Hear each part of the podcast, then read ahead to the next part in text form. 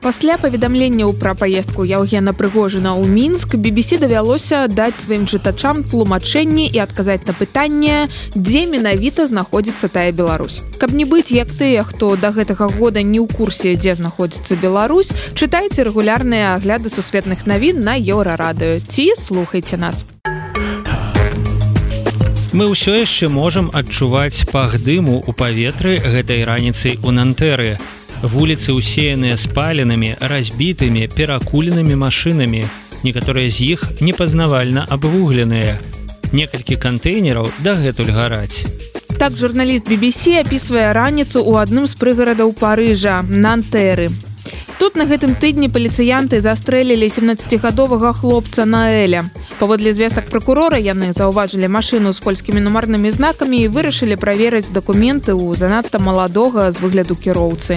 Машына не спынілася і праехала на чырвонае святло, пачалася пагоня і паліцэйскі стрэліў у кіроўцу і забіў яго. Пераказвае гэтыя трагічныя падзеі BBC.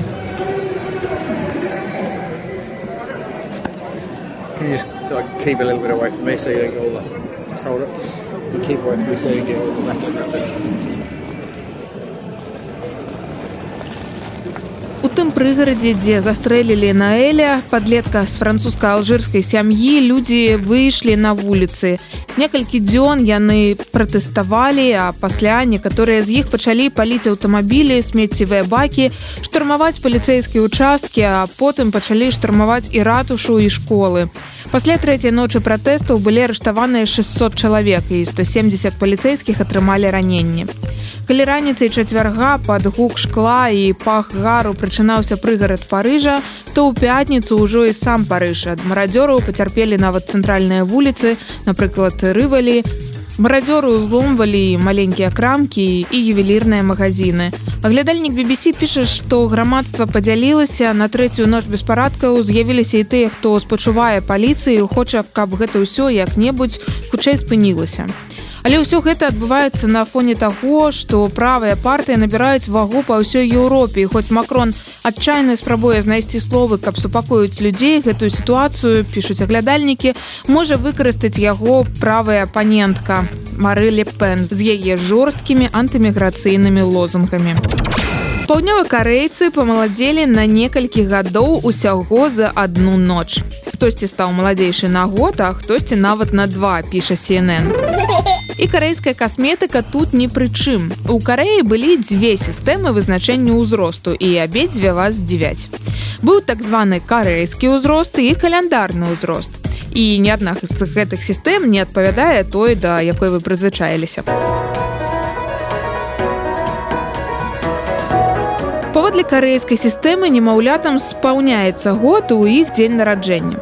То бок не 0 гадоў, а адразу цэлы год і кожны год першага студзеня дадаецца яшчэ адзін. А паводле каляндарнай сістэмы ў дзень нараджэння немаўляці спаўняецца 0 гадоў і кожнага першага студзеня дадаецца год. Напрыклад, выканаўца знакамітая Кэнгнам стайл нарадзіўся 31 снежня 1977 года.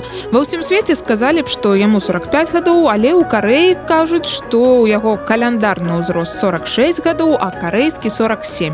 Заблыталіся, Мабыць, карэйцы таксама заблы заблыталіся, бо з гэтага тыдня яны перайшлі на звычайны міжнародны ўзрост. І такім чынам за адзін дзень памаладзелі. Нехта Айван вырашыў, што свет мусіць даведацца пра тое, што ён і Хейлі ў 2023 годзе пабывалі ў калізеі. Мужчына задакументаваў гэты візіт надпісам Айван плюс Хейлі на сцяне таго самага калізея. Але свет даведаўся пра гэта не зусім так, як планаваў Айван. Адзін з турыстаў спачатку зрабіў мужчыну вусную заўвагу, а потым зняў, як ён надрапвае надпіс на калізеі на відэа. І перадаў гэтае відэа ў сеціва і супрацоўнікам службы бяспекі старажытнага амфітэатра, расказвае BBC. Калі мужчыну прызнаюць вінаватым у выкарыстанні калізею якасці асабістага дзённіка, яму пагражае турэмны тэрмін да 5 гадоў. Міністр культуры Італіі заявіў, што гэта ўчынак абражае ўсіх людзей у свеце. Тых хто ведае каштоўнасць археалогіі помнікаў і гісторыі. Дарэчы у іншым італьянскім горадзе флоренцыі прыдумалі як пераканаць турыстаў не пісаць на старажытных сценах. На вяршыні прыкладам званіцы джота усталявалі спецыяльныя маніторы. Вы можете выбраць віртуальны матэрыял на якім хочаце пакінуць пасланне. Напрыклад тую ж віртуальную цагліну той самай званіцы.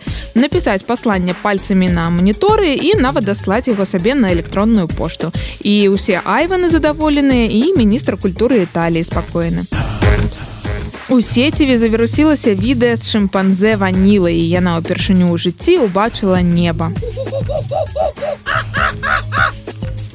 свае маладыя гады ваніла правяла ў біямедыцынскай даследчай лабараторыі нью-йорку. Там шымпанзе трымаюць у клетках памерам полтора на два метры. А пасля гэтага яна пераехала ў прытулак для жывёл але і там яе трымалі ў вальеры. Немагчымасці бачыць неба ні шансу прайсці больш за 10 крокаў у адзін бок у яе не было а потым дабрачынная арганізацыя ратуйце шымпанзе прывезла ванілу ў флорыду і там яна ўпершыню ступіла на траву. А цяпер зайдзіце на сайт еўрарадыо і пабачце як выглядае гэтая радасць свабоды ў выкананні шымпанзе ванілы інфармацыйная служба еўрарадыо